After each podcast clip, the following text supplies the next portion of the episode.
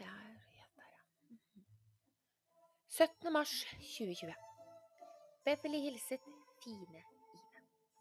Jeg rapporterer til deg fra et eh, merkelig Oslo. Det er dag sju av min karantene, og jeg begynner virkelig å kjenne på savnet etter våre sangriarike podkastinnspillinger. Korona er liksom ikke helt det samme. Du vet jo at ikke jeg er sånn opptatt å være først ute med det siste og sånn, men eh, denne gangen hoppet jeg tidlig på trenden da jeg på et middagsselskap forrige fredag klemte meg ned ved siden av en italiener fra Piemonte, mens jeg helte nedpå en italiener fra Piemonte. Og slik startet altså min sjelereise en fredag i mars. For snart ble det klart at jeg etter karantenetida ikke har noen jobb å gå til, for som nesten alle andre i restaurantbransjen er jeg permittert. Vel, da er det jo bra at jeg har andre ting å falle tilbake på, tenkte jeg. Sånn som skuespill, dans og liveunderholdning. Men eh, nei, det var det jo også bare å glemme.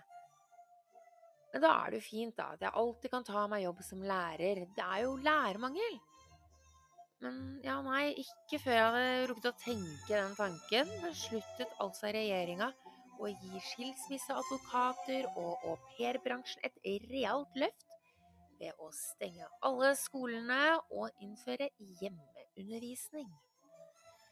Ja ja, det begynner riktignok å bli noen år sia, men jeg har da erfaring fra reisebyrå. Ja, nei, men Norge har jo satt en stopp for den og i morgen så stenger grensene inn til Schengen også. Så da står jeg egentlig litt sånn på bar bakke her. Får bruke tida her på å bare finne meningen i livet, jeg, da. Og forslag, de mottas med takk. Men dette, dette går nok fint. Jeg har aldeles ingen dommedagsfølelse overhodet, nei.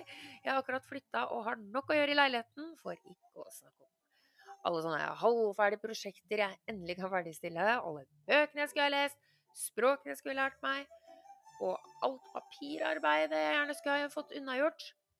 Og da snakker jeg altså, i motsetning til resten av Norge, ikke om toalettpapir. For slapp av, det har jeg mer enn nok av. For Ine, du kjenner jo meg, og det er én ting jeg vet, og det er det at under kriser, det være seg atomkrig, pandemi eller naturkatastrofer, så er det faktisk én ting som er livsviktig. Og det er å få tørka seg skikkelig i ræva. Og apropos det å få vekk dritten, hvordan takler egentlig USA og Trump denne situasjonen? Merker du noe særlig forskjell fra den der vanlige underliggende Armageddon-følelsen alle amerikanere lever med til daglig? Er det total lockdown? Har folk panikk? Og det aller viktigste har dere nok toalettpapir? Eller må dere ty til bleier og tenalever? Ja, jeg ser frem til å motta ditt svar. Overlev vel. Beverly hilsen Mia.